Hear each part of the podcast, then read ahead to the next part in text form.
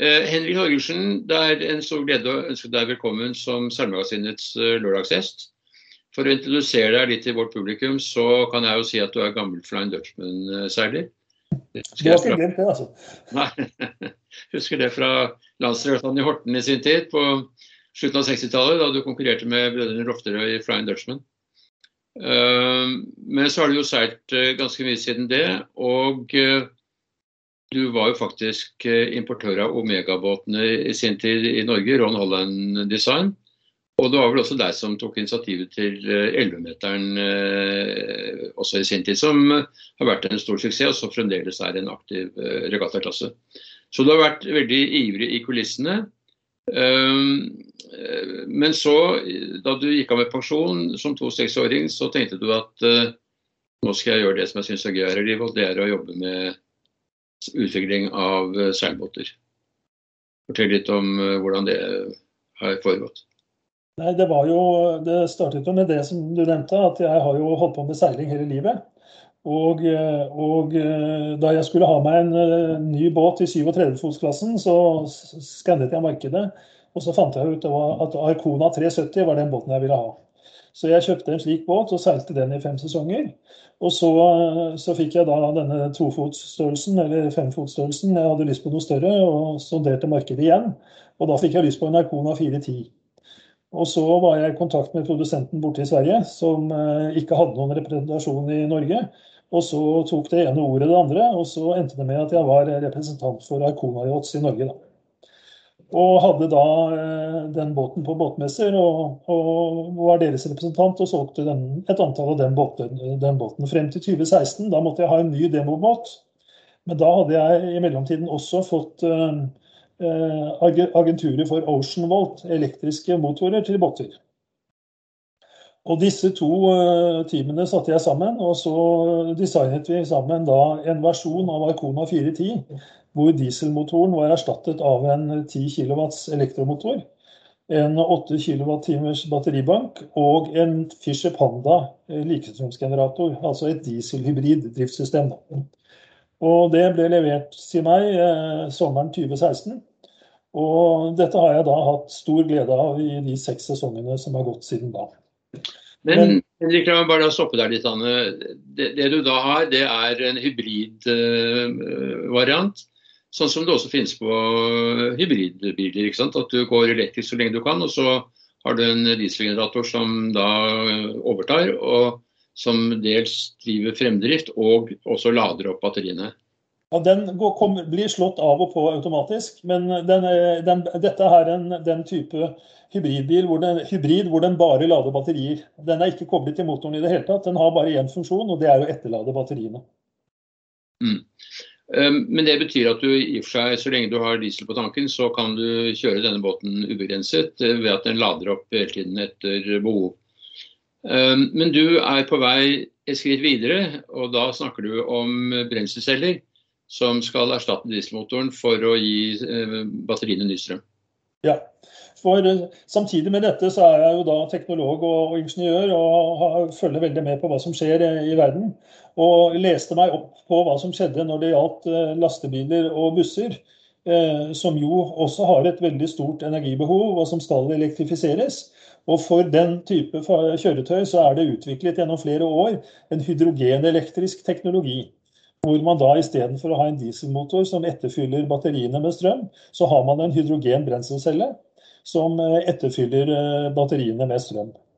Og, og, så fikk jeg den ideen at dette må jo være det vi skal ha i båtene våre fremover. Et fullstendig nullutslippsdriftssystem. Men da med den uh, samme friheten som vi er vant til med bensin og diesel. Hvor vi fyller tanken noen få ganger i løpet av sesongen. Hvor vi har en fyllingstid på 10-15 minutter. Og, og, så har vi da en rekkevidde som den som vi er vant til med bensin- og dieselbåter. Og, eh, så det har liksom vært tanken bak det hele. Eh, som gjorde at jeg da startet opp eh, dette firmaet sammen med to gode venner for to år siden. Og samarbeidet da med Arcona har ført til at de i dag leverer som standard sine båter med, med elmotor, og da denne diesel-hybridløsningen. De har det, som, de har det på prislisten sin. Ja, som, jeg vet Det er vel som en opsjon, da. At ja. den fortsatt er standard med diesel. Men så har de som en opsjon at den kan leveres med en ren batteriløsning og en batterielektrisk løsning som, som tilleggsutstyr. Mm. Um, denne podkasten den skal jo da vises eller avlyttes i, i, i Seilmagasinet. Og de som ser bilder, det er jo på, det er jo på seilmagasinet.no, vår lørdagsgjest. Da ser de da en motorbåt i bakgrunnen. Og det er et annet prosjekt som er litt mer avansert. og Fortell litt om det. Jo, Den første tanken jeg hadde, var jo at jeg skulle plassere en slik brenselcelle inn i Arkonaen. Men etter hvert som tiden gikk, så så vi at eh, for virkelig å kunne vise hva et sånt eh, hydrogenelektrisk system kan brukes til, så eh, vil vi utvikle en båt spesiell for den teknologien. For det å retrofitte, altså det å plassere et slikt hybridsystem inn i en eksisterende båt, det blir suboptimalt. Det blir ikke akkurat slik som man gjerne vil ha det. Og så fikk vi kontakt med min gode venn og, og seilervenn, og, og, og, for så vidt medstarter av Elbåtforeningen, Øystein Jahr. Og så sa jeg til han, Øystein, eh, skal vi ikke lage en båt spesielt for dette driftssystemet som jeg nå hadde i tankene? Og så tok det ene ordet det andre, og så fant vi ut at hvilket segment i fritidsbåtmarkedet er det mest interessante? Jo, det er 28 fots daycruiser-segmentet der Hankøterna hadde gjort stor suksess de, nærmeste, de, de siste 20-30 årene. Og, og, hvor det er da eh, et behov for en, en, behagelig og komfortabel og litt luksuriøs båt. Eh, som da også er eh, en nullutslippsbåt. Og så satte Øystein i gang. Han er jo profesjonell skipsingeniør og driver sitt eget firma. Og jobber stort sett med båt, større båter. Men han har jo alle disse matematiske tegneverktøyene og simuleringsverktøyene som skal til for å optimalisere et design. Og det han sa til meg fort, det var jo at her er vekt eh, et av de største utfordringene. For batterier er tunge, og disse tankene som skal lagre hydrogen er tunge. Så, så vi må bygge da en båt som er eh, så lett som mulig. Og så sa jeg til han at det, et annet eh, sak som jeg er opptatt av, det er at det er et veldig stort marked for motorbåter. Eh, for folk som egentlig er på sjøen for å ha det hyggelig. Som ikke er opptatt av å kjøre i 40-50 knop. Men som, som, er eh, opptatt av å være underveis og oppleve naturen. Så jeg sa at det markedssegmentet som jeg har lyst til at vi skal adressere, det er folk som aksepterer en uh, cruising speed på 10-12 knop med lang rekkevidde, og som da har en toppfart på 15-20 knop. Og det var Øystein i fyr og flamme på, for han sa at uansett hvordan man innretter seg, så vil en elektrisk båt den vil, ha, den vil være eh, mye mer gjerrig når det gjelder energi. Altså, vi har vent oss til å sløse veldig mye med lagret energi med de båtene vi har i dag, fordi bensin og diesel er så veldig effektive til å lagre masse energi. Men skal du lagre elektrisk energi om bord enten i en bil eller en båt, så blir du veldig sensitiv på fart. Slik at eh, for å få eh, en båt som da får en tilfredsstillende rekkevidde, så er det veldig bra at vi da kan legge oss på en cruising speed på rundt 10-12 knop. Så det ble, det ble, resultatet av de samtalene. Og så satte han seg i gang og tegnet av denne lekre båten. Uh, Hyrex 28, som da er nettopp det, en, en daycruiser i 28-fots-segmentet. Og, og, den er i ferd med å bli en realitet. Den uh, Prototypen er uh, laget og den er uh, under produksjon for levering nå på våren. Så den kan vi se på våren til sommeren. Den skal vi se på våren til sommeren. Skroget er støpt hos Brødrene Aa oppe på Vestlandet. De er jo spesialister på å bygge komposittferger og, og, og, katamaraner og slike ting. Har holdt på med det i mange år. Og, og båten bygges i kullfiber for å spare vekt. Så, så, formene våre ble utviklet på et firma som heter Easyform oppe, oppe på Vestlandet, de også. Og så ble de skippet over til Brødrene Aa, som støpte skroget. Og så kjørte vi det ned til Mike Aldrich på Nøtterøy, som nå et par måneder har holdt på med å lage finish og montere sammen denne båten. Eh, betyr det at vi allerede nå eh, til sommeren vil se en båt med, med brennstoffceller eh, om bord? Ja da, det skal vi se. Så nå har vi parallelt med dette så har vi da på laboratoriet vårt på Nøtterøy jobbet med å utvikle teknologien. Og den skal nå flyttes over i båten i løpet av en måneds tid. Og så skal vi starte testkjøringer utover våren med denne brenselcellen om bord. Det som også er en utfordring når det gjelder hydrogen, er jo selvfølgelig hvor får du fylt hydrogen. Og Derfor så har vi også etablert nå et partnerskap med hydrogenselskapet Hynion, som er i ferd med å etablere infrastruktur for hydrogen langs veiene våre. Og som også sammen med oss skal etablere fyllestasjoner for hydrogen langs kysten. Men Henrik, det, det, du nå sier, det er at etter hvert blir dette tilgjengelig. Men det er klart at både installasjonen av hele opplegget vil være vesentlig dyrere enn dagens diesel- og bensinmotorer. Jeg går ut fra at designeren Jahr også har lagt vekt på båtens skroglinjer, sånn at motstanden ikke blir så stor, og at den blir vel kanskje da en halvplanende båt og ikke en planende. Og at det man ser da, er at denne båten har ubegrenset rekkevidde, fordi man hele tiden efterfyller da med hydrogen til, direkte til, til elmotoren. Jeg vil si at det, den, blir jo ikke ubegrenset. En eksisterende bensinbåt har jo heller ikke ubegrenset rekkevidde. Men målsetningen er at man skal kunne ha 20, mellom 20 og 30 driftstimer i 10-12 knop. Og for en vanlig norsk båtbruker så skulle det tilsvare at man kanskje fyller tanken en, fra tre til fem ganger i løpet av sesongen. Mm. Men du sier at det er problemer for leveranser. Hvordan får man det i dag, før et sånt system er bygget Nei, altså, vi, er, vi, vi er i samme situasjon som Tesla var da de lanserte bilen sin i 2014. De hadde en flott bil, men det var veldig dårlig med ladestasjoner. Så de fant ut at for å komme i gang med denne utviklingen som de dro i gang, så de, gikk de ut med sine egne fyllestasjoner. Og dette kommer vi også til å gjøre.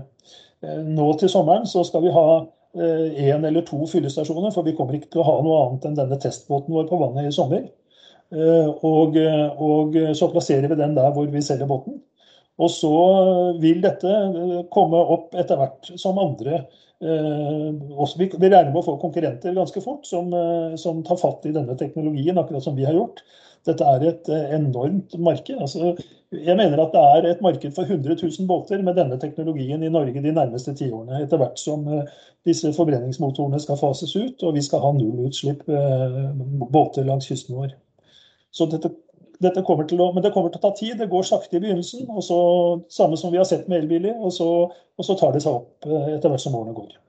Det betyr også at de første kjøperne er de som kommer til å betale mest for moroa, fordi at de blir ganske dyre til å begynne med. og Så må vi kunne regne med at prisene blir lavere og mer på et flatt nivå etter hvert som man får laget disse i større antall.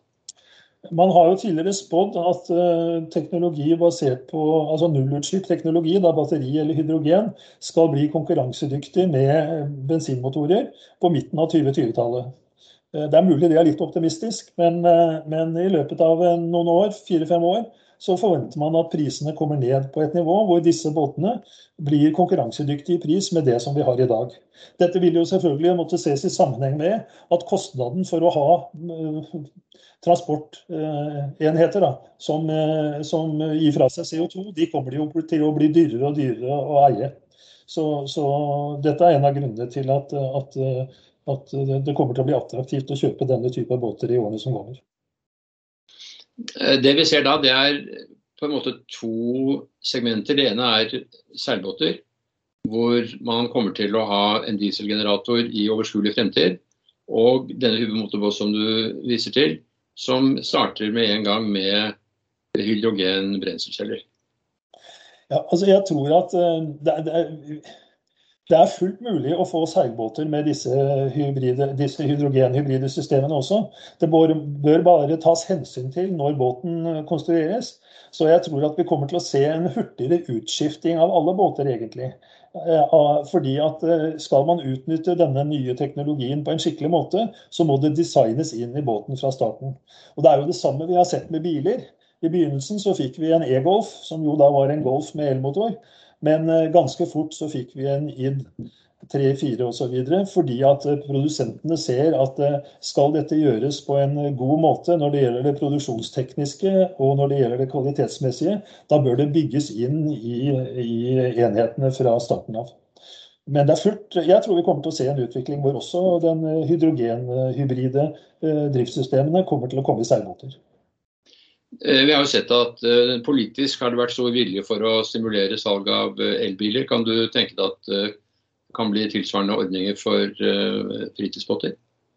Ja, vi tror jo det. da. Altså, dette var jo en av årsakene til at vi startet Norsk Elbåtforening. For å, etablere et talerør, en plattform for de av oss som ønsker denne utviklingen.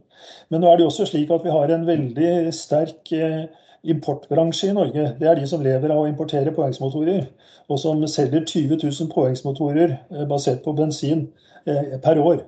Og de er en veldig sterk lobbygruppe som eh, jo ikke er så veldig interessert i at denne utviklingen skal gå fort. De er jo klar over at den kommer, men for dem så er det jo mer interessant at dette går sakte. Så her har vi forskjellige krefter som drar i forskjellige retninger. Men vi har jo jobbet mot politikere i, i fem år og vært på Stortinget i flere omganger for å fortelle dem om dette, og, og vekket veldig stor interesse. Så det kan godt være at denne regjeringen nå kommer til å, å innføre slike insentiver.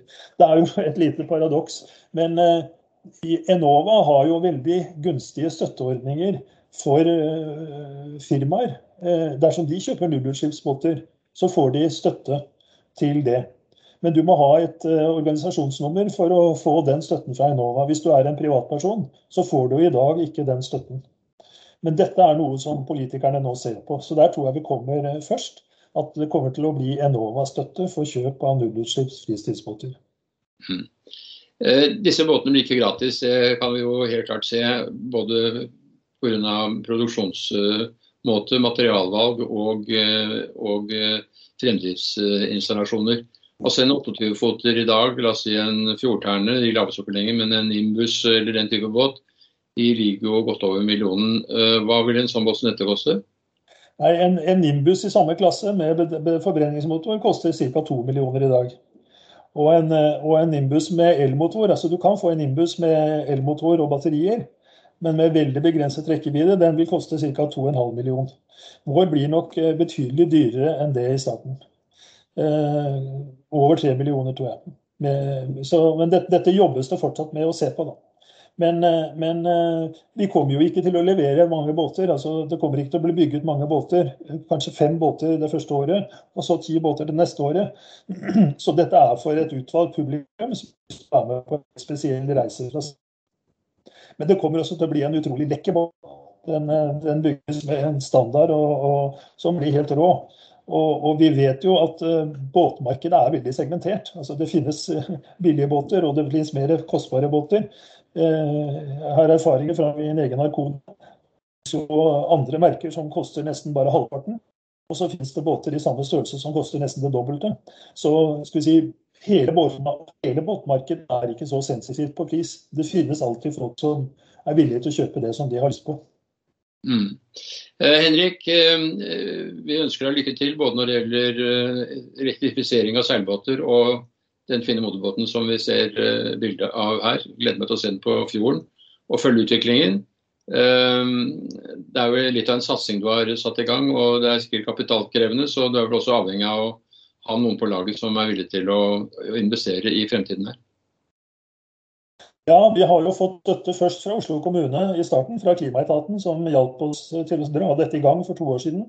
Og så gikk Innovasjon Norge inn og støttet oss eh, i fjor.